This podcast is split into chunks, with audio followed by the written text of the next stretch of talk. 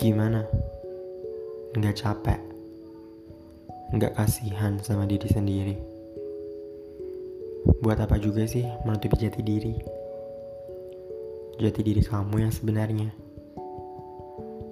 Hanya untuk disukai mereka. Iya sih, mereka suka. Suka sama topengmu, bukan siapa dirimu. Kebayang gak sih?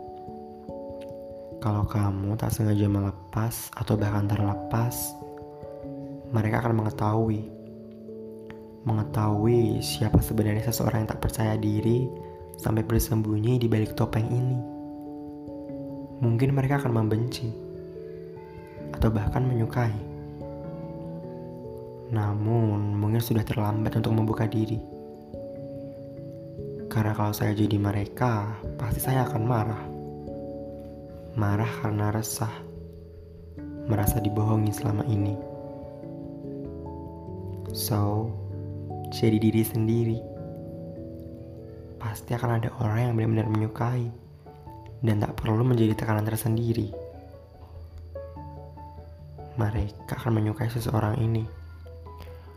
Seseorang yang begitu baik, yang selalu berani, yang selalu tabah dan kuat.